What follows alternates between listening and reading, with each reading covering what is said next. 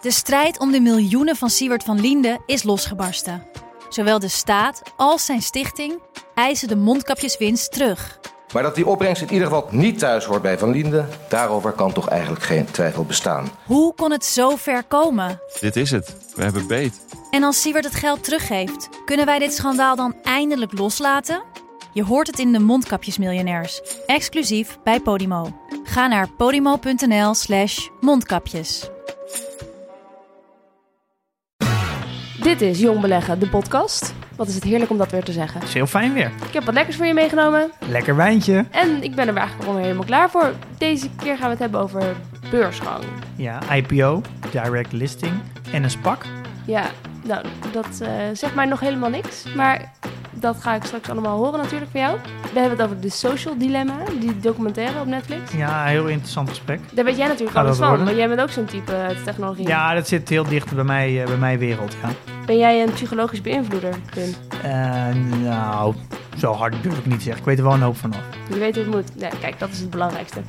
Ehm, en we hebben het over beleggingsidentiteit. Want wie ben je nou eigenlijk als Ja, belegger? wie ben je nou? Eh, en we hebben de eerste eh voiceberichtjes. Oh ja, die komen aan het eind.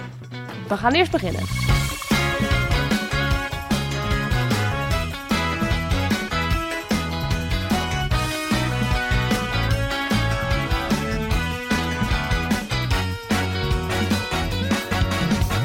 Gek hoor, om, eh, om een weekje eh, te missen. Ja, ik hoop ook niet dat de, dat luisteraars het ons heel erg kwalijk nemen.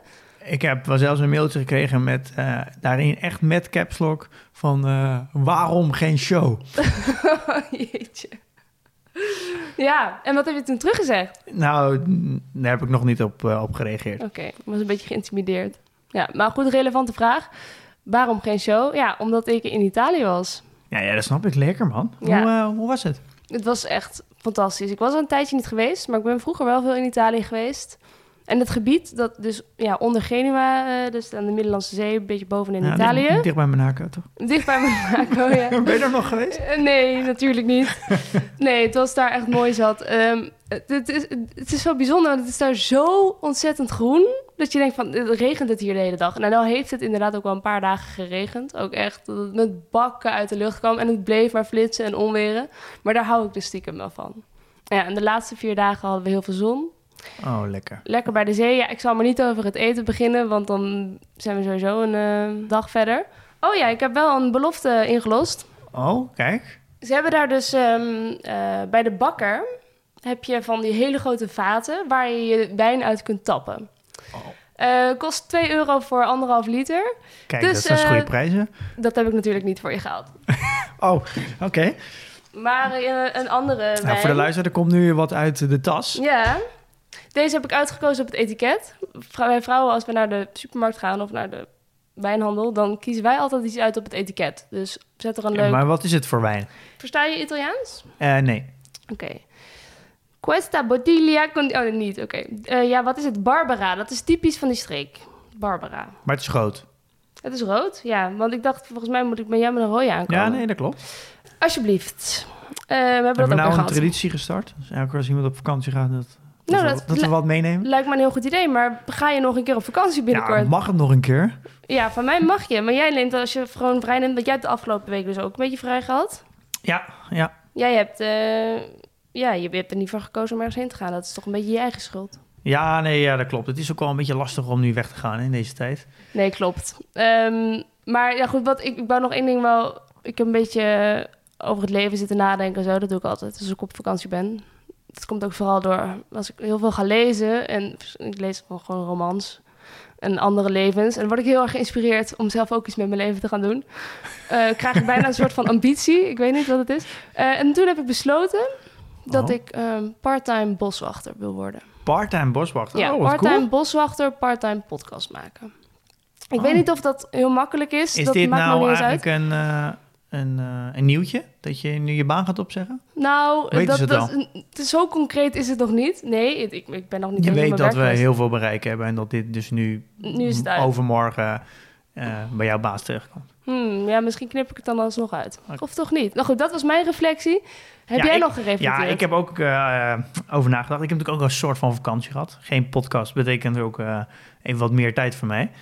Ehm, ik denk dat waar- dat is iets, iets wat ik speciaal nu deze week heb gedaan, maar iets waar ik natuurlijk al heel lang mee bezig ben, is een beetje, ik noem het eh, mijn beleggersidentiteit. Dus ja, Mhm. wie ben ik nou als belegger? ja. Ehm, wat is nou mijn verhaal als belegger? Dus als ik, eh, als ik 30 jaar terugkijk, waar sta ik voor? Ehm, wat is mijn eigen, echt mijn eigen strategie die heel dicht op mezelf zit? Ehm, want ik, Ja, want heel dicht op jezelf. Want je hebt natuurlijk gewoon een eigen identiteit. Maar is dat, moet dat verschillend zijn van een beleggersidentiteit? Moet je dat scheiden? Of kan dat ook op elkaar lijken heel erg? nou, Sta je ik- ik- anders in het leven als belegger dan als gewoon Nou mens? ik denk niet. Ik denk dat je. Het komt erg, moet heel erg vanuit jezelf komen. Het is heel intrinsiek. Het is een afgeleide ervan. Ja, absoluut. Ik denk dat dat ook heel erg in het verlengde ligt. Dat je, dat je nu erg over eh, duurzaam beleggen hebt. Over impact beleggen is nu steeds meer een populair woord Ja. aan het worden. Kijk, dat komt toch heel erg vanuit jezelf. En ehm, ja, kijk, bijvoorbeeld waarheid bestaat natuurlijk niet. Het is uiteindelijk maar een perceptie, hoe, jouw perspectief op, op zaken.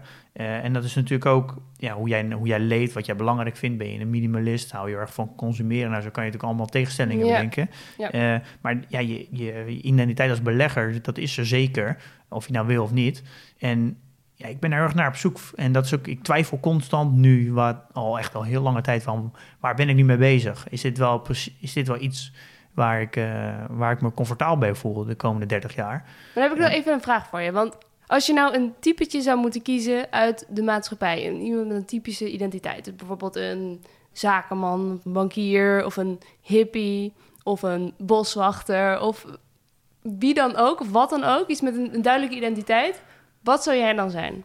Nou, dat ik dus juist niet één, specif niet één specifieke identiteit heb. Niet die, die hele duidelijke... Ik vind mezelf juist een, een, een combinatie van heel veel verschillende typetjes. Ik denk dat Ja. niemand is één iemand. En een boswachter heeft in zijn gezin weer een hele ander typetje... dan als het gaat om, om veel meer eh, landelijk beleid. Dat is waar. Eh, en wat ook, ja, was zo iemand heeft wel eens een keer gezegd dat je dat uiteindelijk is iedereen een, eh, in zijn gezin, dus in een hele kleine kring, is heel erg links en een socialist. En is eigenlijk heel erg een, eh, op hele grote groepen, juist onwijs rechts en veel meer een, een soort van kapitalist. Hoe kleiner de groep is en hoe meer dichter je mensen naar je toe hoe meer hebt, je hoe meer, hoe meer je wilt delen en samen lasten wil dragen. Maar hoe groter de groep wordt, eh, ja, hoe meer je bent voor het individu. Maar wil jij één typetje worden dan? Nee, ik, ik denk dat juist naar op zoek ben is van... je- ik, ik ben een unieke combinatie van allerlei typetjes. Ehm, ja, dat uitzicht natuurlijk ook heel erg in een strategie en in, een, en in natuurlijk aandelen. Heb je al iets, iets meer duidelijkheid de laatste tijd gekregen in waar je naartoe wilt? Nou, ik, merk dat ik wel een soort van me verantwoordelijk voel om ook op een goede manier te beleggen. Dus een beetje dat impact, ja, noemen we dat een impact investing. Maar ik, daar moet ik nog veel meer van afweten van wat houdt dat nou precies in. En ik, ik vind het, merk gewoon dat ik heel erg eh, gefrustreerd word door de soort van de simpelheid in hoe nu duurzaam beleggen wordt gezien. Dat als je in olie zit, dan is dat slecht. En als je in tabak Mhm. zit, is het slecht. Ehm, maar dat zijn een soort van de, een soort van de maatschappelijk negatieve eh, bedrijven. Maar eh, ik denk dat er in, in een veel on- een laag eronder, wat onzichtbaar is, waar misschien nog veel meer schade zit, eh, wat alleen nog niet maatschappelijk wordt geaccepteerd of gezien. Bijvoorbeeld? Nou, ik, ik denk dat een, denk, een heel een suiker bijvoorbeeld vind ik namelijk een, eh, een heel groot voorbeeld. Dat wordt maatschappelijk nog steeds niet gezien als een extreem groot probleem. Eh, en misschien is dat probleem nog wel veel groter dan tabak. Ik weet het niet. ik ook niet, maar je, en een ander ding is, nou, ik denk, wij gaan het ook zo krijgen over de social dilemma.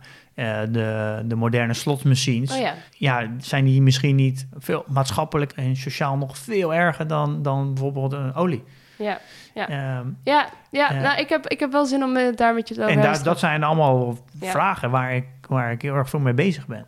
Nou, het, is, het is heel makkelijk namelijk om, Ja, om soort van achter de meute aan te lopen en, en dan en, ja, bijna niet verder kijken dan je neus lang is dan van oké, olie komt uit de grond dat is, en er komt CO2 is slecht. Tabak is slecht voor ons en slecht en dat is ook maatschappelijk geaccepteerd slecht. Ja. Maar ik denk, ja, als je belegt voor 30 jaar, dan wil je, dan wil je niet alleen maar bezig zijn met de problemen die nu heel obvious zijn en heel maatschappelijk geaccepteerd, maar dan wil je eigenlijk ook al bezig zijn met welke problemen eh, zijn er eigenlijk al, maar die worden nog niet maatschappelijk gezien. Mhm. Ik denk dat dat ook een stukje eh, twijfel is, eh, die denk ik elke beginnende belegger wel heeft. En ik ben er nog niet helemaal uit, maar ik ga dat natuurlijk de komende maanden, denk ik, wel gewoon blijven delen. Als ik daar, ja, steeds meer duidelijkheid over heb voor mezelf. Ja. Ehm, En dan herinner ik mij van de laatste aflevering, die misschien een beetje ingewikkeld was. Toen we het hadden over intrinsieke waarden. Dat je vandaag intrinsieke waarden deel 2 wilde gaan doen. Maar ik zie toch iets anders staan op mijn briefje. Dus eh, misschien heb je hier even wat uit te leggen. ja, ik heb dus eh, deze aflevering wel uitgewerkt, dus eh, deel 2. Maar ik heb best wel ook wat reacties gekregen over deel 1, dat het best wel lastig was. Dus dat je, om het goed te begrijpen en dat er eigenlijk heel naslagwerk je erbij moet hebben. En ik, nou ja, deel 2 is nog veel complexer. En ik merk gewoon berekeningen uitleggen via audio is gewoon super lastig. Eh, dit, werkt, dit, Nee. dit werkt gewoon niet goed. En ik vind het eigenlijk zonde wel een om... beetje met je eens. Dit medium podcast is hier gewoon niet zo heel goed voor geschikt. Eh, en dan wil ik eigenlijk ook niet dat er toch in proberen te proppen. Ehm, dus ik ga gewoon over nadenken hoe ik dit op een andere manier kan doen. Oké, nou, ik zal in de tussentijd vast cameraapparatuur aanschaffen. Dan, eh, wanneer jij er klaar voor bent, dan ben ik er ook Oh, klaar Oké, hoe zijn jouw edit skills? Eh, ja, dat kan, ik kan video monteren. Oh, oké, te weten. alle markten thuis. Oh, kijk. Oké, maar waar gaan we het wel Oh. over hebben? Ja, we gaan het hebben over een beursgang. Ja, ik zie inderdaad beursgang. eh, en dan zie ik allemaal afkortingen. IPO, DPO en SPAC. Ja, en SPAC. ja, SPAC is vooral de laatste tijd veel in het nieuws gekomen. Nou, en er komen nu heel veel, er worden heel veel eh, IPO's aangekondigd. En dat komt vooral door, je wil natuurlijk naar de beurs in een, in zo'n goed mogelijk klimaat. eh, economisch klimaat, want dan kan je het meeste geld ophalen. Eh, en Ja. dat is vooral nu deze periode, vooral in technologie. Dus er zijn gigantisch veel technologiebedrijven of technologie-gerelateerde bedrijven... of een beetje Ja. corona-proof bedrijven die nu naar de beurs gaan. Nee, maar precies, want laten we voordat we naar die afkortingen gaan, even, waarom gaan bedrijven nou precies naar de beurs? Ik heb jou wel eens horen zeggen, heeft niet altijd voordelen. Het is ook echt een flink gedoe. Ja, ik denk dat het zorgt namelijk voor heel veel extra werk. Je moet natuurlijk maand, kwartaal rapporteren. Je moet een heel team hebben die, die dat voor je doet. Ja. Eh, je ligt ook onder een vergrootglas. Eh de, de hele dynamiek in een bedrijf eh, verandert. Je verliest misschien ook een beetje eigen zeggenschap. Als... Ja, dat klopt. Maar dat heeft ook namelijk heel veel voordelen. En ik denk de grootste mm, reden waarom mensen naar de beurs gaan... is dat je gewoon makkelijker toegang krijgt tot kapitaal. Maar eigenlijk misschien wel de meest belangrijk voor de meeste bedrijven... is dat je kapitaal ophaalt. En een ander ding is dat het ook een manier is om eh, te verzilveren van aandelen... van vroege investeerders, werknemers, eigenaren... Ehm, dus ja, als je tien jaar lang een bedrijf gebouwd hebt en je gaat naar de beurs, dat is gewoon het eerste moment dat je flink kan cashen. Je hebt toch pas aandelen als je naar de beurs gaat? Nou ja, nee, helemaal niet. Het, het, het enige wat de beurs doet is creëert geen aandelen. De beurs zorgt dat de aandelen publiek verhandelbaar zijn. Oh, dus daarvoor heeft elk bedrijf eigenlijk al... Nou ja, als, iemand, als één Aandelen. iemand het bedrijf opricht, dan is hij 100% eigenaar. Ja, Vaak zijn het eh, bij werknemers opties die ze dan kunnen verzilveren. Ehm, maar vaak zonder zeggenschap. Eh, maar technologiebedrijven hebben vaak ook eh, early investors. Eh, en dus dat is durfkapitaal die dan eh 10% van het bedrijf koopt tot 20%. ja. En dan, eh, en ja. dan daardoor wordt. En er wordt vaak dus niet. Dat is misschien een groot verschil. Is je hebt namelijk twee vormen. Je kan namelijk aandelen verwateren. Eh, Verwateren? ja, en dat houdt eigenlijk in dat je nieuwe aandelen uitgeeft. Dus ja, je lengt ze aan. en dat is namelijk een heel groot verschil. Eh, je kan aandelen verkopen en aandelen bijmaken. Eh, en Ja. het grote verschil is als je aandelen bijmaakt, dan gaat de cash de organisatie in, want de organisatie geeft ze uit. En als je aandelen verkoopt, dan mm, ja, verkoopt een eigenaar een, een x percentage aan iemand anders. Dus het geld is dan ook voor de verkoper. Ja, Eh, maar dat heeft de organisatie dus helemaal niks. Daar merkt de organisatie dus niks van. Is Nee, eh, Ja. Ehm, en ook nog een ander laatste voordeel waarom bedrijven naar de beurs gaan, is omdat het namelijk eh, heel veel publiek bekendheid geeft. Je wordt namelijk, er wordt veel meer over, over je bedrijf geschreven. Ehm, dat maakt gewoon het makkelijker, vooral als je um, ja, grote klanten hebt. Eh, Dat geeft ook een beetje aan dat je wat betrouwbaarder bent ja. omdat namelijk een, eh, een, een partij die iets bij jou af wil, af wil nemen, eh, die kan namelijk ook in jouw cijfers zien. Die kan zien of je bedrijf gezond is. Je, je kan namelijk eh, ja. als, ja, als le- leverancier Je bijvoorbeeld. bent een serieus bedrijf en dat kun je laten zien Ja. op het moment dat je naar de beurs gaat. Ja, en er zijn er eigenlijk drie vormen. Dan hebben we de, eh, de IPO, de Mhm. Initial Public Offering, de Direct Listing. En dat noemen we ook wel de Direct Public Offering. Dus dat is de, de, de DPO. Oké, dus niet de initial public offering, maar de direct public offering. Ja, en daar zit namelijk een. Ik ga het verschil straks uitleggen. En dan hebben we nu iets nieuws nog. Dat is, nou, het is niet helemaal nieuw, maar dat is nu vooral dit jaar heel populair geworden. Ja. En dat is de SPAC. En dat is de Special Purpose Acquisition Company. Oké, Eh, we beginnen bij IPO. Laten we gewoon even beginnen bij het IPO. Ik denk dat een IPO is eigenlijk de meest traditionele vorm. En dat wordt altijd begeleid door een investment bank. Als het een, he- een hele grote beursgang is, worden er meer investment banks, maar het is vaak maar één. En dat noemen ze ook wel de underwriters. En het houdt eigenlijk basically in dat je hebt een bedrijf en daar gaat dan een investment bank even tussen zitten. En tussen de, de, eerste, de eerste kopers eigenlijk. Dus er gaat een, Oké. een, een investment bank tussen zitten. gaan het voor je regelen, een soort bemiddelaar. Ja, je kan het zien als een tussenpersoon. Ja, Ja. een tussenpersoon kost geld. Drie, Ja, kosten. ja, 3 tot 7 procent pakken ze vaak als fee. Eh, dus dat Van de... van hoeveel totale prijs, hoeveel de aandelen verhandeld worden. En het, je moet het een beetje zo zien dat je gaat naar een investmentbank toe als bedrijf. eh, en dan zeg je, nou, ik wil 10% verkopen. En dit zijn mijn cijfers. En nou, wat eigenlijk dat de investmentbank dan ook doet, is, is zorg dat alle cijfers op orde zijn. Dient dat in. En dan wordt je bedrijf gecontroleerd op allemaal cijfers. Of, Ja. het, wel, of, de, of het allemaal goed eruit ziet. Ja. Je moet ook minimaal zo groot zijn en zoveel omzet hebben. Eh, nou, als dat goedgekeurd wordt, dan mag je dus een IPO-datum eh, communiceren. En dan gaat de investmentbank jouw bedrijf eigenlijk promoten bij, eh, alle, bij alle instanties. Want het komt er eigenlijk technisch gezien op neer dat de investmentbank koopt. Eigenlijk, als je 10% wil verkopen, koopt jouw 10%. En die 10% verkoopt de investmentbank eigenlijk direct weer door aan instanties die dat willen kopen. En dat zijn natuurlijk veel meer. Ehm, dus dat is eigenlijk een tussenpersoon. Ja. Ehm, en om, om Hij die gemaakt gebruik van zijn eigen netwerk. ja, maar je als, als bedrijf zijn heb je eigenlijk wel de garantie dat alles wordt gekocht, want investmentbank koopt alles. En die gaan daarna eigenlijk alles weer verkopen. En dan krijg je een soort van roadshow. Je houdt eigenlijk in dat je dan een hele lange, ja, ja vroeger ging dat natuurlijk fysiek. Eh, daarom heet het denk ik roadshow. Dat je langs ga je langs alle instanties. Dat gaat die investmentbank doen. ja, maar ook de CEO. Je gaat natuurlijk om uh, je be- bedrijf te promoten. Dus je gaat Ja. zoveel mogelijk eh, presentaties geven, je bedrijf in, in etalage zetten. Van nou, eh het ziet er zo goed uit, we hebben de toekomst, het ziet er Ja. zo uit. Je gaat het zo positief mogelijk presenteren. En dan moeten alle instanties, het einde van de roadshow, die kunnen dan hun aangeven hoeveel aandelen ze zouden willen kopen en tegen welke prijs.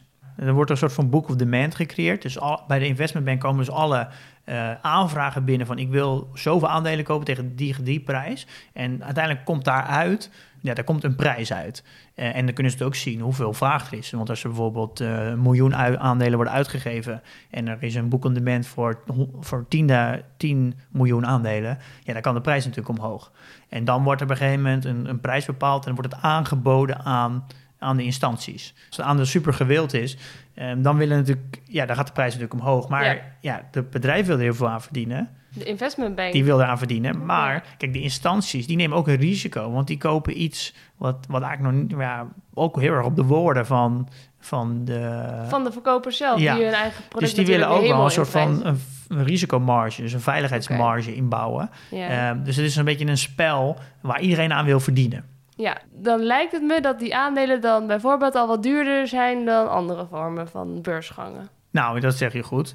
Eh, iedereen wil eraan verdienen. Ja, Eh, en wie zit er onderaan de streep? Dat zijn natuurlijk de, de particuliere beleggers. Ja. Dus je kan eigenlijk bijna zeggen, je betaalt al te veel. altijd. Eh, Ja, bijna wel. Daar komen ze ook nog op. Er zijn nog genoeg studies naar gedaan. Bijna altijd te duur. Het grappige is dat de IPO staat ook wel voor iets anders. Ja. It is probably overpriced. Ja, ja. Eh, ja, straks straks kom ik ook nog even op, een, eh, op de, de vraag... moet je instappen op een IPO, ja of nee? Ja. Nou ja, we weten nu, Eh. bijna, we weten nu bijna het antwoord al... maar ik zal het nog even onderbouwen met een, met een studie. Oké. Ehm, denk ik, maar het belangrijkste is om te weten dat in een IPO dan worden extra aandelen uitgegeven. Dus de huidige aandeelhouders verwateren Ja. en er wordt dus extra kapitaal in de organisatie gezet. Ja. Als belegger wil je natuurlijk weten, er wo- komt dus extra kapitaal binnen, dat kan natuurlijk echt over miljarden gaan. Eh, wat gaan ze met die miljarden doen? Want Ja. daar zit natuurlijk eh, de winst in de toekomst. Ja. Dus hoe gaan ze die, als ze bijvoorbeeld in één keer 10 miljard ophalen, ja, hoe gaan ze van die 10 miljard eh 20 miljard maken? Hoe gaan ze dat inzetten, dat geld? En dat bepaalt natuurlijk een, voor een heel groot gedeelte de, je rendement in de toekomst. Ja. En dat, is, dat zijn dingen die ik onwijs moeilijk vind om in te schatten bij een IPO. Je, hebt, je kent het bedrijf helemaal nog niet. Nee. Dus je weet helemaal niet wat ze met de kapitaal precies gaan doen. Nou, dan hebben we ook nog een direct listing. Ehm, en dat is om de bij hetzelfde als een IPO. Er is eigenlijk alleen een heel groot verschil. De investment bank, eh, is er tussenuit. En er worden geen nieuwe aandelen uitgegeven. Dus de bestaande aandeelhouders, die gaan aandelen verkopen. Oké. En dat is namelijk een essentieel verschil. Er wordt dus geen kapitaal in de organisatie gestopt daardoor. Want de, eigen, de huidige eigenaar, dat kunnen natuurlijk eh, be- de eerste werknemers zijn, dat kunnen de oprichters zijn, de vroege investeerders, die gaan dus aandelen verkopen. Ehm, dit is steeds populairder aan het worden. Om, ik denk dat het komt omdat namelijk er zo'n overvloed aan geld is. Technologiebedrijven zijn nu heel veel die nu, er waar er steeds meer van komen. Daar zit heel veel venture capital in, dat is dur- durfkapitaal.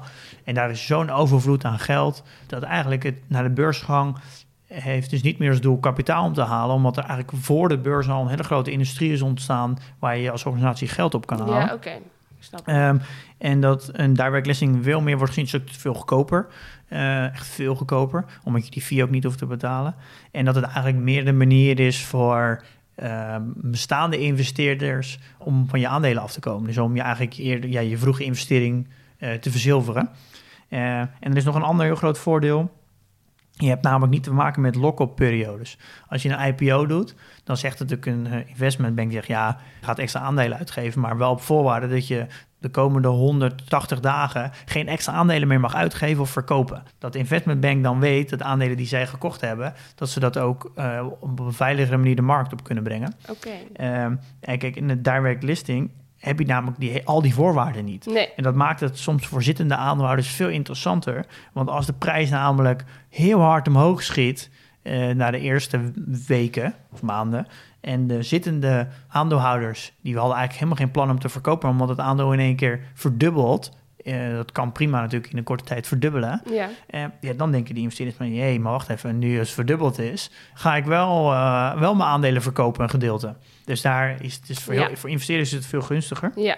Heb je een voorbeeld van bedrijven die op een van deze manieren naar de, naar de beurs zijn gegaan? Ja, Slack. Dat is een... eh nou, Microsoft Teams kennen heel veel mensen. Die hebben DPO gedaan. Ja, de, de direct listing. Ja. Eh, en de Spotify, nou, dat kent iedereen wel. Ja. Nou ja, Microsoft Teams, dat kennen heel veel mensen nu die met Ja. Microsoft werken. Maar dat, de, dat zijn gewoon letterlijk een kopie van Slack. Ja. Dat is tegenwoordig al- alles wat Microsoft. Apple en, en Google kopiëren gewoon alles van kleinere bedrijven. Maar ik denk dat het toch ook wat interessant is om toe te voegen dat de soort van de price discovery, want waar ga je dan een prijs op bepalen? Eh, dus je hebt natuurlijk dan twee punten die je moet zeggen. Hoeveel aandelen ga ik beschikbaar stellen? Maar omdat je geen lock-up periode hebt, kun je natuurlijk ook gewoon met een heel klein beetje aandelen beginnen. En je moet dus een prijs, in eerste instantie een prijs bepalen. En dan krijg je dus op het begin krijg je een soort van price discovery op de beurs. Dus de aandelen worden verkocht en, en dat uiteindelijk Dus gewoon het spel tussen vraag en aanbod bepaalt dan hoe hoog de prijs ja, en niet meer met een select groepje Nee. eh, rijke instanties, Nee. vermogende instanties. Oké. Dus Eh, je bent automatisch een iets eerlijker prijs men, hoe mensen iets waarderen. Ja, maar je moet wel een beetje zo zien dat het gaat ook wel een beetje om hoeveel aandelen zetten ze nou op de markt. Eh, dus worden er beschikbaar gesteld. En wat je ook wel vaak ziet, daar moet je ook heel goed naar kijken. eh, ze beginnen natuurlijk vaak met een klein beetje aandelen. En als de prijs harder omhoog gaat, dan verkopen ze steeds meer. En dat ja, als er dus meer aandelen beschik- beschikbaar wordt en de vraag blijft hetzelfde, dan op een gegeven moment gaat de prijs weer naar beneden. Ja. Dus dat is vooral begin, in de beginjaren, eh vooral de eerste twee jaar, zit je gewoon in een hele moeilijke periode, denk ik, als particuliere belegger. Omdat namelijk ehm een bedrijf gaat naar de beurs om zijn aandelen kwijt te raken. Dus die gaan ja, best wel in een periode best wel wat aandelen lozen. Ja. Eh, dus er komen steeds meer aandelen en dan Ja. moet dan wel, dan moet die groei wel echt flink zijn. Ja. Eh, zodat, je, zodat dat geen invloed heeft op de koers. Daarom is het ook vaak heel bewegelijk. En je wil vaak lange termijn aandeelhouders hebben, wat ervoor zorgt dat voor als mensen niet het aandeel uitgaan, bijvoorbeeld bij Apple gaan mensen verkopen dat bijna niet, maar er worden wel steeds minder aandelen beschikbaar, gaat de prijs gewoon automatisch omhoog. En dan zag ik nog een derde afkorting, de SPAC, of de SPAC. SPAC. Was dat? En wat staat het voor? Dat heb je al gezegd, hè? Special... Nou, ik- nee, sorry, ik weet het niet meer. Oh, je weet het niet meer. Special Purpose Acquisition Company. Nee, Je leest het zelf ook voor. Uit mijn hoofd, hè? Goed, ga door. Oké, er wordt een bedrijf naar de beurs gebracht. En dat heeft één doel. En dat is een, een, ja, een acquisitie doen. Dus het gaat een ander bedrijf kopen wat niet beursgenoteerd is. Waarom Eh, zou je dat doen? ja, dit is eigenlijk eh, de laatste tijd heel populair aan het worden. En vooral ook weer in technologie nu. En ik denk dat het heel erg komt omdat we, er gewoon heel veel instanties die gewoon een overvloed aan geld hebben. En dan denk je, ja, waar moeten we met dat geld? We zien nu eigenlijk helemaal niet zoveel kansen. Dus wat gaan ze doen? Ze gaan alvast een beursgenoteerd bedrijf oprichten. En ze stoppen daar dan bijvoorbeeld 500 miljoen in. Of een miljard, eh, wat je daarin stopt. En je zet daar een bestuur op. En vaak doe je in dat bestuur een heel gerichte persoon of personen die heel gespecialiseerd zijn in, in een bepaald iets. Dus die SPAC krijgt een belofte, een richting. Dus we gaan zeggen, we gaan bijvoorbeeld een acquisitie doen in technologie en dan heel specifiek in, in de medische technologie. En zo krijg je een beetje een idee als belegger van in welke hoek ze een bedrijf gaan kopen. En je kan daar dus als, als particuliere belegger, kan je dus ook aandelen al van die SPAC kopen. Maar ja, je koopt dus eigenlijk ja, je, weet, je weet niet wat je koopt. Je koopt eigenlijk niks. Je koopt een. Ja, je koopt, het is echt eh, een gok. Is het, het is een extreme gok, ja. En maar waarom? Ja, dan is natuurlijk de vraag: waarom gaan bedrijven naar de beurs via een SPAC? Ja. Uh, want ze kopen natuurlijk een bedrijf dat niet beursgenoteerd is. En ze fuseren met dat bedrijf. Waardoor het bedrijf wat Eh, niet gebeurt. Een soort parasiet. Waardoor het bedrijf wat niet gebeursgenoteerd is, automatisch direct beursgenoteerd is. Ja. En dan die SPAC-naam veranderen ze op een gegeven moment naar de naam van het bedrijf wat ze gekocht hebben. En dan is het beurs, bedrijf beursgenoteerd. Dus je kan dus als bedrijf extreem snel naar de beurs. Ja, je hebt het hele, het hele proces van de beursgang heb je niet. Ja, dat is al gedaan. Ja. Ja, ik denk eigenlijk dat wat ik nu een beetje zie, welke bedrijven er gekocht worden, het zijn vooral bedrijven die weinig winst maken. Wat, waar ik denk dat die, er zit bijna geen vermogen in. En een, een IPO kost heel veel geld, want je moet 2 tot, dus, eh 2 tot 7 procent ook afstaan. Je moet Ja. ervoor betalen. Dus het is eigenlijk een hele goedkope manier voor een bedrijf naar de beurs te gaan. Vooral Ja. bedrijven die bijna geen vermogen hebben. En volgens mij zijn het vooral bedrijven die vaak geen winst maken, eh, maar wel heel erg een hype hebben. Eh, dus dat, dat de particuliere belegger dat heel cool vindt om te hebben, maar dat het eigenlijk ehm, ja, gewoon puur qua data, als je het puur naar data kijkt, eigenlijk helemaal niet interessant is. Oké. Ehm, Heb je dus- een voorbeeld? dus- nou, ik denk dat eh, Virgin Galactic is denk ik een hele mooie. Wat is dat eh, voor bedrijf? Nou, je, je kent denk ik wel SpaceX van Elon Musk. Ja. Ehm, nou, Virgin Galactic is gaan met concurrent, maar dan van eh, Richard Branson. Oh ja. Sir Richard Branson. En, en dan hebben we ook Nikola Motor. Nou, dit is ook wel, die hebben we het laatst over gehad met die fraude. Ja. En dus flink gekelderd. Ehm, een soort van nieuwe Wirecard. Nou, dat zijn twee bedrijven die via een SPAC naar de beurs zijn gegaan. Allebei geen euro omzet. Dat zijn natuurlijk allebei bedrijven die, die dat, dat het gewoon lekker doet bij, het, bij de retail investors, bij de Ja. particuliere belegger. Ja, Virgin Galactic heeft een hoge naam, wat is heel cool. Het is een soort van de toekomst, net als die eh Nikola Motors. Ja, dat zijn, eh, volgens mij maak je meer kans om gewoon te wedden op een voetbalwedstrijd, denk ik, dan op zoiets. Het, helemaal, nou, ik vind helemaal niks. Nee, ik hoor. Ehm, en dat zie je nu steeds meer. En ik denk een van de, de bekende SPAC-belegger is, ehm, het is Shamat uh. Palihantia. Kan jij hem misschien uitspreken? Oh, dit is een eh, Indische naam. Hij komt uit Sri Lanka. Shamat Palihapitia. Dat is moeilijk. Ja, nee, je hebt hem eh, aardig, eh, Ja. aardig goed gedaan. Hij wil eigenlijk de, de, de, de moderne Warren Buffett wil die worden. Mhm. En eh, hij, zit, hij is heel erg in Die de wil dat technologie. niet, ja. Eh, en ehm, hij zoekt ook onwijs veel de pers op de laatste tijd. Hij is ook eh, een van de early investors in Facebook, ook ex-Facebook. En hij heeft al zes verschillende SPACs eh, gedaan, waarvan er drie al actief zijn. Eentje van 300 miljoen, eentje van 500 miljoen, eentje van 1 miljard. En twee heeft hij eh, net opgezet. En daar gaat hij dus binnenkort wat mee doen. Ja, ik, ja, ik denk dat je als belegger daarvoor moet uitkijken. Ook, Eh, eh, hoe jij hem nu al omschrijft, klinkt als een irritante vent. Nou ja, eh, ik, ja, ik ken hem niet zo goed. Ik ken hem eigenlijk helemaal niet. Persoonlijk. Oké, ik ook niet. eh, Dat is natuurlijk weer mijn ongezouten mening, die zelden ergens op gebaseerd is. misschien komt het ook een beetje door de tijd hoor. Maar als je bijvoorbeeld kijkt naar de wat oudere investors, Warren Buffett, Peter Lynch, Charlie Munger, dat zijn rustige mannen. Eh, ook, Ja. Dat zijn ze nu, maar dat toen nu ze oud zijn, maar dat waren ze ook als je video's terug hebt van 30 jaar geleden.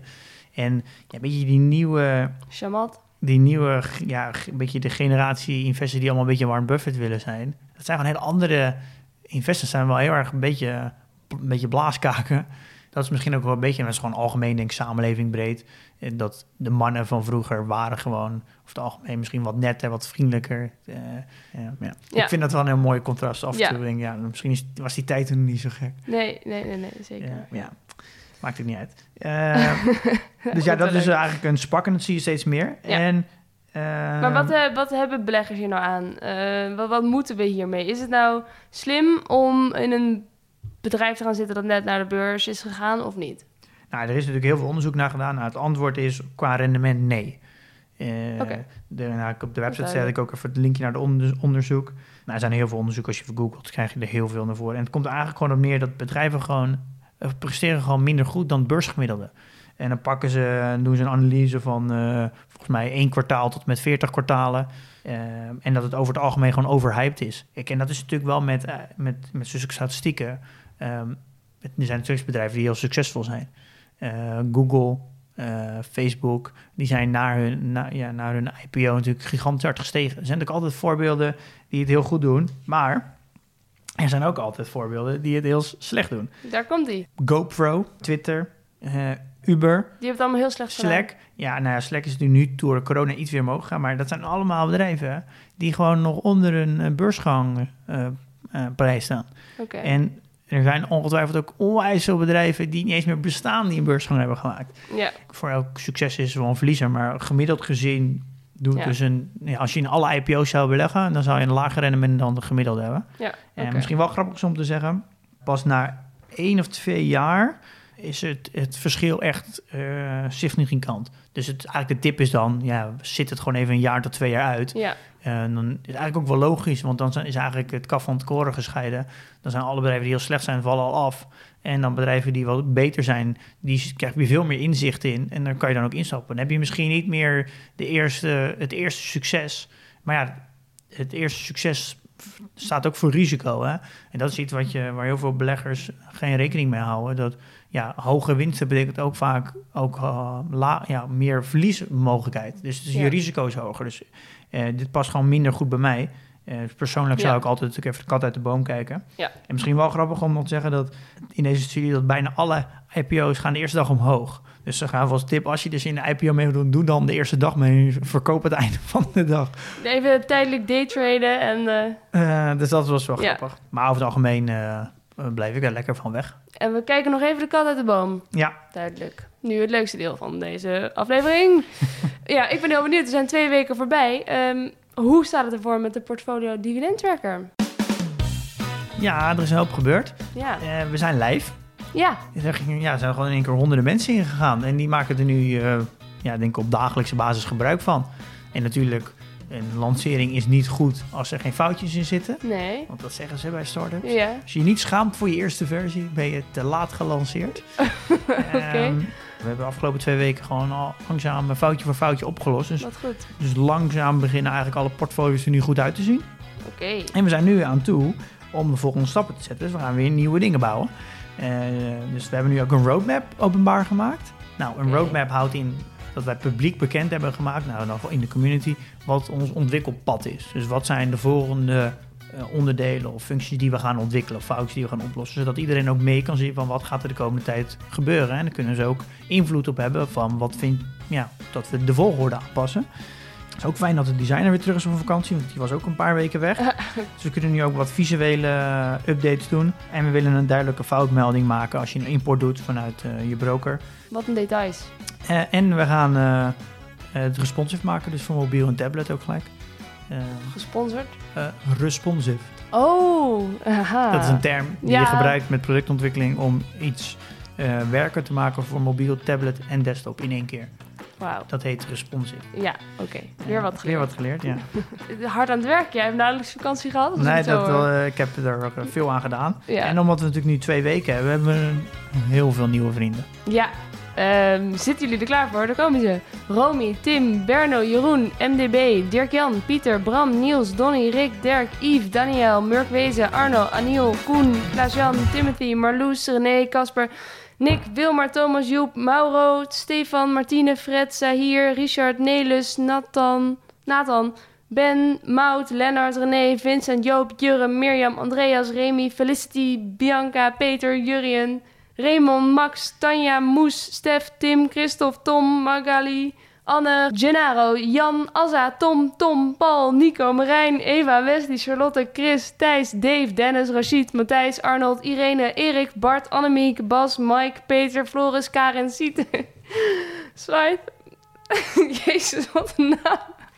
Jezus staat er niet tussen trouwens, helaas. We wachten nog steeds op zijn steun. Joost, Dennis, Geert-Jan, Cheert, Martin, Mariska, Esmee, Robin, Judith, Q times 5, Chai, Richard, Stefan, Bart, Barend, Tijmen, Ruben. Nou, als je nu nog niet meedoet, dan ben je echt in de minderheid, geloof ik. Ja, een hoop nieuwe mensen, hè? ja, nee, leuk dat jullie allemaal erbij zijn, jongens. Welkom. Ja, heel leuk. We houden jullie op de hoogte. Ja, En dan gaan we over naar de orde van de dag. Wat is het nieuws? ja het nieuws. Er staat een documentaire op Netflix. Die heb je mij aangeraden. Die heb ik natuurlijk braaf gekeken. De Social Dilemma. Eh, nou, even kort dan, wat is dan de Social Dilemma? Dat is dus ehm, een documentaire uit Amerika. Dat is heel duidelijk, ten eerste. Eh, die erover gaat van ja, hoe social media erop gericht zijn om nou ja, zoveel mogelijk onze aandacht van ons te onttrekken en naar zich toe te trekken. En hoe ze dat allemaal doen. En alle psychologische processen die daarbij een rol spelen en hoe ze ons brein manipuleren eigenlijk. Daar gaat de documentaire over. En wat voor ja, negatieve effecten dat heeft op mensen zelf, op hun, op hun ja, mentaal welbevinden, maar ook op een samenleving en een maatschappij als geheel. Ja. En ja, als je die documentaire kijkt, dan schrik je misschien wel een beetje.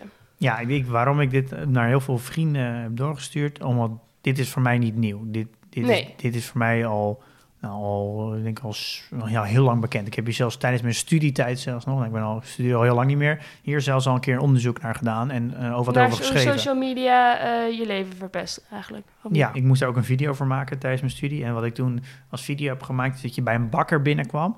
En dan had ik allemaal eh, kaartjes in, in, in allemaal broodjes en croissantjes en, en taartjes gestoken. ja. Eh, en dan had ik erbij gezet, eh, je moet betalen door, door vier likes te geven. Of door te vertellen eh, wanneer, wanneer je voor het laatst wat gestolen hebt. Dat je, het was eigenlijk het concept is dat als je iets wil kopen in de bakker, bij de bakker, dat je moet, iets van jezelf moet geven. Iets, Iets delen. iets delen van jezelf, wat eigenlijk niet publiek bekend is. Dat was mijn, mijn visualisatie van mijn idee. leuk. Eh, Mhm. eh, om eigenlijk inzichtelijk te maken dat als je, eh, als je dit normaal zou doen bij een bakker, dat je echt denkt, ja, zoek het lekker uit. Ja, waarom maar moet dat jij dat- dat van mij weten? Ja, en dan, dan ga ik wel aan een andere bakker doen, maar dat dit online dus gewoon de normale zaak van de wereld is. Ja. En dat je daar niet eens, sterker nog, je, weet, je hebt niet eens door. Nee, omdat En- je denkt, ik zit achter mijn eigen computer. Dit is in technologie heel erg bekend. Ja. En ik ben ook bij heel veel conferenties geweest. En ik denk, het grappige is, het begon denk ik in ongeveer 2012, 2011. Toen waren alle conferenties die gingen over... hoe kan je nou als maker van producten mensen hoekt krijgen? Er zijn zelfs boeken geschreven over psychologieboeken. Hoe kan je mensen bijna manipuleren, sturen... naar dat mensen jouw product zo lang mogelijk gaan gebruiken? Je Daar moet ging, ze verslaafd maken. ja, daar gingen eigenlijk... en Het woord verslaafd werd natuurlijk nooit gebruikt... maar daar gingen eigenlijk alle conferenties over. Dat noemden Ja. ze dan gebruiksvriendelijkheid. User experience. Ja. En dat is denk ik, heeft jarenlang zo geduurd. En op een gegeven moment kwam er een kantelpunt. Ja. Toen kwamen de eerste, had je dus een aantal conferenties waar, waar het heel erg dubbel was. Had je de mensen die heel erg de nadelen van technologie lieten merken, wat de impact op, op, op mensen is. En aan de andere kant waren er nog steeds heel veel praatjes over, dit moet je doen Ja. om zoveel mogelijk mensen jouw app te laten gebruiken. Eh, en dat is nu helemaal geturnd dat het eigenlijk alleen maar, alle conferenties in mijn industrie gaan nu alleen maar over hoe kan je als designer en als developer een verantwoordelijkheid pakken? Hoe Ja. kan je nou niet werken met dark patterns, wat Booking alleen maar doet? Eh, Wat is dat? Dark, dark patterns? ja, dat noemen we dark patterns. Dat je, dat je mensen, eh, de psyche van een mens zo goed kent en dat je daar misbruik van maakt. Ja, ja, nou, dat is, dat is natuurlijk het probleem. maar dat ze zeggen, dus ja, het is eigenlijk een soort Dr. Frankenstein, weet je wat, die heeft dat zo'n monster gemaakt. Maar dat heeft natuurlijk gewoon, die, die slechte intenties zijn er niet geweest. Maar dat zijn we nu wel gaan inzien. Ja, ja. Dat weet ik niet hoor. Maar ik ben eigenlijk ook Je niet- denkt wel dat er slechte voordat- intenties zijn. Voordat ik mijn mening geef, ben ik heel benieuwd wat jij ervan vindt. Eh, wat, die- wat vond jij van de documentaire? Wat is, wat is er bijgebleven? Nou, wat... Ja, kijk, oké. Ehm, wat mij een beetje stoort aan de documentaire is dat het zo activistisch is. Dat ik meteen al weet van tevoren... oké, ik ga nu een verhaal horen wat heel erg anti is in elk opzicht. In een notendop is het dat ook. Je ziet een paar hippies, een paar woke millennials... die ervaring hebben bij het bedrijf zelf. En die ehm, ja, zeggen allemaal dat er existentiële dreiging is... dat ons voortbestaan van de mens wordt bedreigd door social media... En eh, natuurlijk, zoals het ook een goede Amerikaanse shockdog betaamt, Ja, krijgt kapitalisme de schuld. De kapitalisme is het grote kwaad. ja maar, denk- mogelijk ja, aan verdienen. maar het kapitalisme aan zich krijgt natuurlijk niet de schuld. Nou, dat, dat hoor ik er wel in terug. Ja, de documentaire. ja oké, maar oké. Nou goed, dus, en dat vind ik dan weer een beetje vermoeiend. En dan weet ik ook meteen dat het niet helemaal objectief is natuurlijk. Maar ik denk zeker dat, dat het een heel belangrijk punt is wat ze maken. En dat mensen daar echt veel bewuster van moeten worden. Van hoe erg ontwrichtend het is op een mensenleven. Ja, ik denk dat het mm, als, denk als gewoon eh, gebruiker van die platform moet je denk ik even loslaten dat ze, dat ze met je meekijken. Want dat kan je nog heel erg onschuldig vinden van ik heb niks te verbergen. Ja, Maar dat is niet wat ze doen. Ze beïnvloeden je. Ze, met, hun, met de data dat ze hebben, gaan ze, gaan ze een prognose maken van jouw gedrag. En alles aan doen om die prognose uit te laten komen. Dus met andere woorden, ze beïnvloeden jouw gedrag. ja, En eh, dat is iets waar je, wat je moet realiseren. En dus niet eh, dat ze jou volgen. Want dat Ja. is iets wat ze helemaal niet erg vinden dat je, dat, Nee. dat het sentiment is. nee, oké. dus ja, precies. Ze willen je ook je daadwerkelijk op een bepaalde manier gaan laten gedragen. Ja, Ze, gedragen, Ja. ze, ze, ze laten jou zo gedragen dat het eh, eh, voor, voor hun het meeste oplevert. Ja, en ik vind wel dat, dat die documentaire dat daarin heel polemisch sterk is om dat te laten zien en hoe dat precies gebeurt en hoe dat werkt. Dat, en dat vond ik ook wel echt shocking.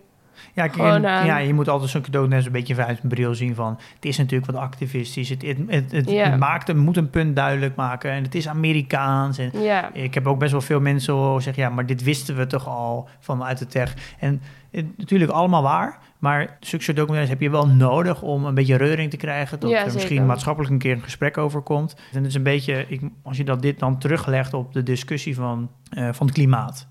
maar dan niet nu, maar terug naar 10 jaar, 15 jaar geleden...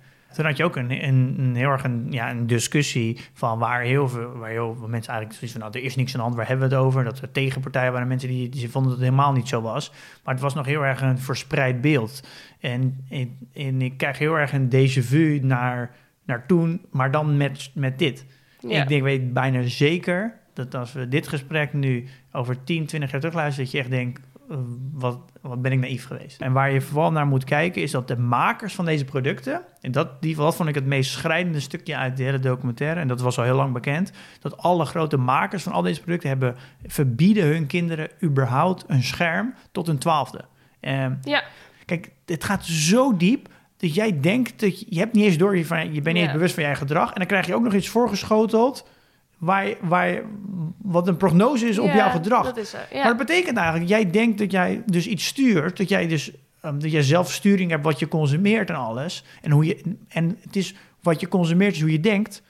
Maar dit is dus helemaal niet zo. En dit is, maakt het dus zo, je verliest gewoon de Ja. controle op de, de toevoer, dus de, wat je consumeert. En dat maakt het zo extreem gevaarlijk, totaal geen besef hebt. En een kinderhersenen, die zijn nog zo aan het ontwikkelen, die hebben nog totaal geen besef. Nee. Die worden dus nog gemaakt als een kind aan het groeien is. En die wordt dus automatisch dus ook gemaakt door het algoritme.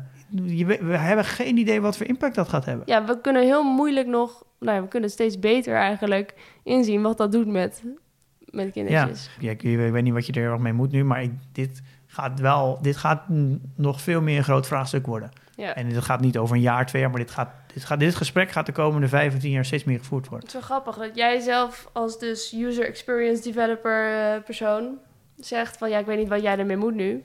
Van ja, nee, ik ook niet. Als iemand zou moeten weten wat wij hiermee moeten, dan moet jij het wel zijn, Pim. Nou ja, de alle, het beste wat je kan doen is ten eerste, zet al je notificaties uit op je telefoon. Ja, Alles. dat is sowieso goed. Gewoon alles uitzetten. aanraden, Gewoon niks, niks aan hebben. Dus dan heb je al één ding heel erg gewonnen. Is dat jij zelf bepaalt wanneer jij je telefoon gebruikt of niet. Eh, een andere tip is, download al, verwijder alle apps en ga alles naar een website toe. Makkelijkste tip, waardoor je de, de drempel verhoogt om die apps te gebruiken. Doe maar eens, ga maar eens je Instagram-app op een andere plek neerzetten. Ik kan je nu vertellen, je gaat nu een paar... Ik heb dat een keer gedaan, gewisseld naar mijn parkeren-app... en ik opende gewoon drie keer per dag mijn parkeren-app. ja, het is, ja, maar zo ver gaat het. Je Ja. moet daar je moet Heel, automatisch. Je moet heel bewust zijn met je, hoe je daarmee omgaat. Je moet echt blokkades gaan creëren Ja. voor jezelf. Want dat is wat diegene ook zei. Ja. De maker van het algemeen die zei zelf... ik wist hoe slecht het was en ik trapte er toch elke Ja. keer weer zelf in. En dit is zo goed is het. Ja, dat vond ik wel nog een van de meest treffende dingen in die documentaire misschien. Is dat de enige eh, industrie die de klanten ook gebruikers noemt, dat is de drugsindustrie. Dus je bent een gebruiker op social media en je bent een gebruiker in de drugsindustrie. Ja, Vond ik wel een goeie. Dat is wel waar. Nou goed. Jij wilde dit heel graag bespreken, maar waarom? Precies, want wat heeft het met beleggen te maken? ja het is natuurlijk niet direct met beleggen. Moeten we het ook altijd over beleggen hebben? Ik vind dit eigenlijk Nou, ja, het is, het is onze podcast, dus wij bepalen waar we Ja. het over hebben. Eh, waarom ik, ik persoonlijk gaat me dat heel erg aan. Dus daarom vind ik het leuk om, om het erover te hebben. Ja. En ik denk wel dat een groot gedeelte van alle succesvolle beleggingen zijn wel bedrijven die, die dit algoritmes en zo goed snappen. Ja, En dit geeft ook aan, dus als we nou puur gewoon naar rendementen kijken, waarom deze bedrijven die dit goed toepassen, waarom die zo extreme winstgevend zijn en extreme geldmachines ja, zijn. dus, ja, dat wordt een heleboel duidelijk inderdaad. Eh, ja. En het is hierom, ze kunnen gewoon gedrag van mensen beïnvloeden. En dan kan je, ja, dan kan je natuurlijk let- letterlijk alles aan de man brengen.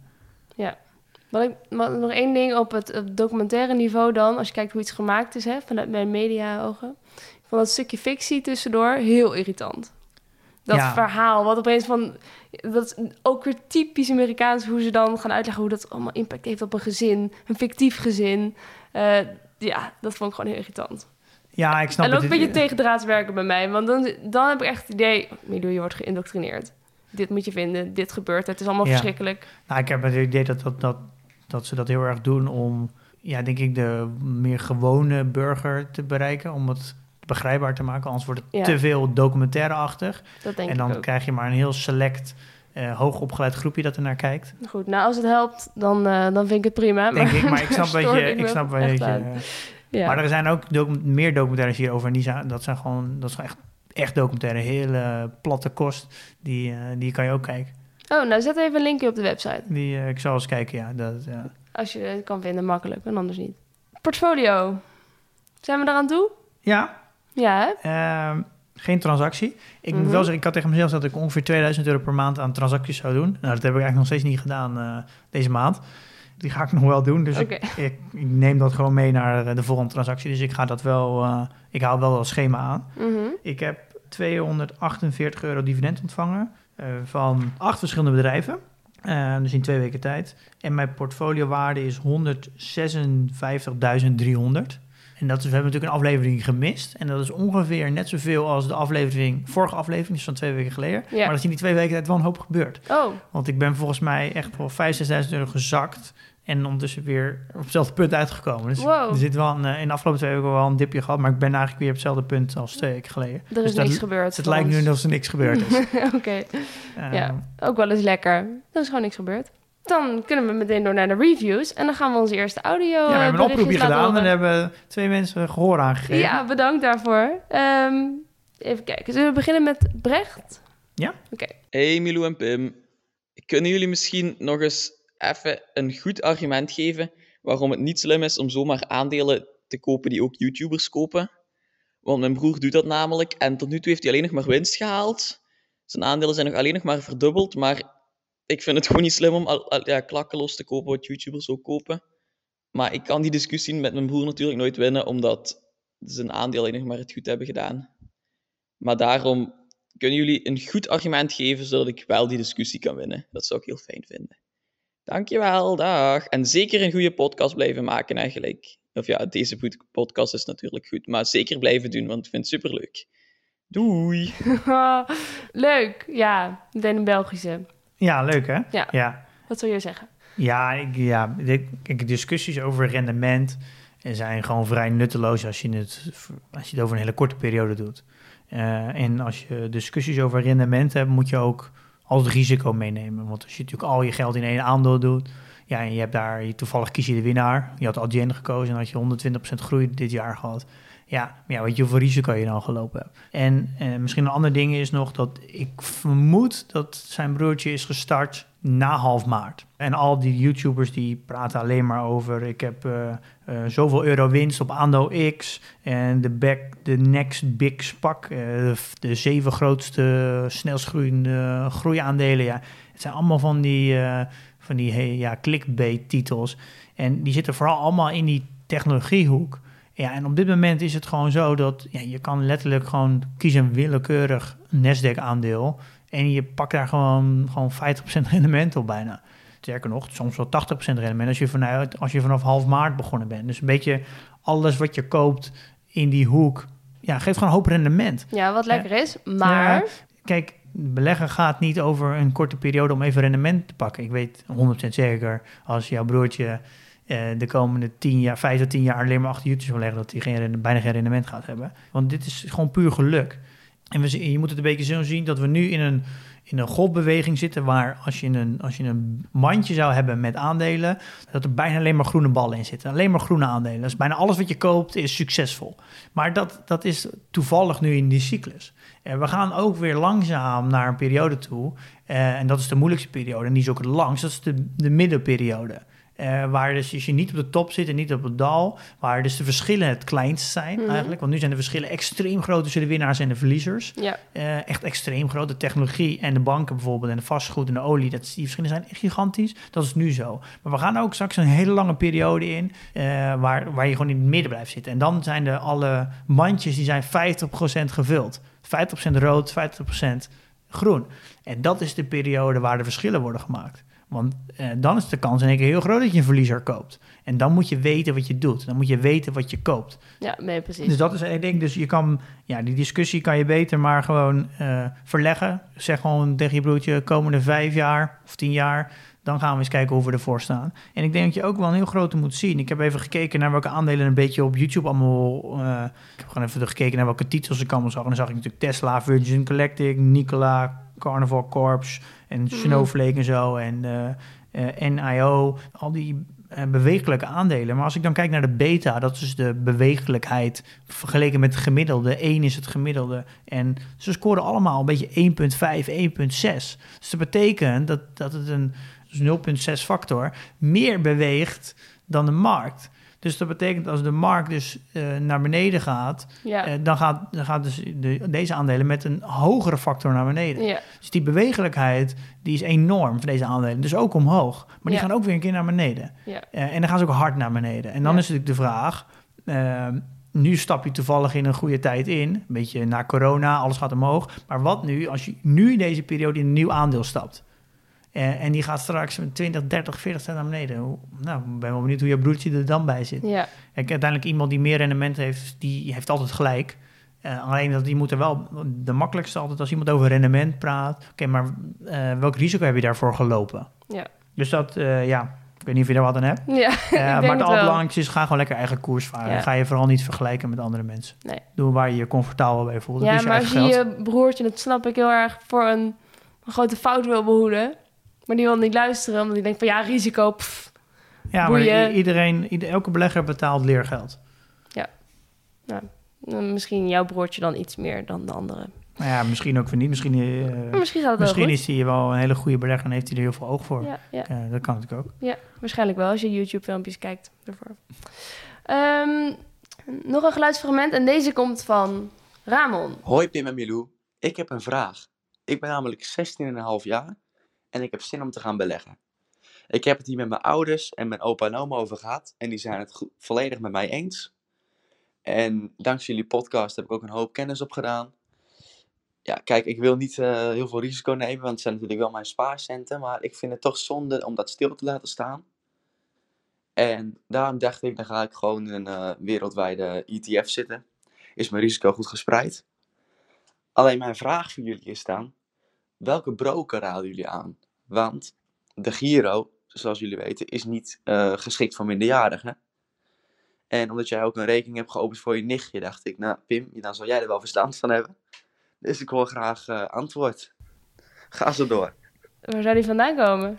Beetje Fries? Ja, ik denk het niet helemaal. Ik weet het niet. Maar niet uit. Ja, een minderjarige belegger. Ehm, ja, ja, ja dat, ik heb niet de, de rekening op de naam van mijn nichtje geopend. Ik heb hem geopend op de eh, naam van mijn zusje. Omdat de Giro op dit moment nog geen oh, nog niet de mogelijkheid heeft om een. eh, nu, dat is nu tijdelijk even stopgezegd. Omdat volgens mij wat technische dingen die ze nog moesten fixen aan het aanmelden. Maar dat gaat waarschijnlijk wel weer open, denk ik, volgend jaar. Ehm, dus ik heb eigenlijk nu besloten om het voor mijn zusje te doen. En omdat, je, omdat het nog vrij lage bedragen zijn, het gaat nu om 1100 euro, eh, is dat, valt het allemaal nog onder de schenkbelasting. Dus ik, en omdat het kernselectie is, is het voor mij heel makkelijk om nu eh, gewoon op mijn zusjes naam te doen. Op het moment dat het kan, open ik een eh, rekening voor mijn nichtje. Dus zo heb ik dat nu opgezet. Maar als je dat niet zou willen, dus als je niet op de rekening van je ouders zou willen, dan kan je wel een account maken bij Bink Forward. Eh, en dan, dat is dus dat is volgens mij een van de weinigen waar je een account kan aanmaken als minderjarig. Moet je wel toestemming krijgen van je ouders, maar heb je wel een beleggingsrekening voor jezelf. Ja. En dan kan je wel voor mijzelf, ben je vrij om aandelen te kiezen. is wel wat duurder, maar... eh, en als je, in andere mogelijkheden zijn eh, Meesman en Rebeco Kids. Dat zijn wel echt een beetje, eh, dat zijn wel, dan kan je niet echt aandelen kiezen, maar dan kies je fondsen. Oh Dus ja, oké. dat is, ja, is wel beleggen, maar minder, minder vrij. Ja. Maar hij geeft wel aan dat hij graag het liefst gewoon in een wereld-ETF kan hebben. Dan kan je ook in een fonds stoppen natuurlijk. Ja. Ehm, dus dat zijn eigenlijk de opties die hij kan doen. Oké. Nou, dank voor het uitzoeken, Pim. Wat gaan we volgende week doen? Ja, we hebben een, eh, we hebben een mailtje van Jeroen gekregen en die wilde graag een verdieping in het beleggen met ETF. Eh, en ik vond, het was een heel lang mailtje eh, en ik vond het eigenlijk een, ja, heel mooi voor een onderwerp. Ja, wel een goed idee. Ik denk dat we daar nog een hoop over kunnen vertellen. En dat het ook nog ook heel interessant is voor een hoop luisteraars. Dus we noemen het portfolio management met ETF's. Oké. Nou, dan wens ik jou veel succes met de voorbereiding daarvoor. Nou, En dankjewel. dan sluiten we af. Ja, Tot volgende week. tot volgende week. Doei!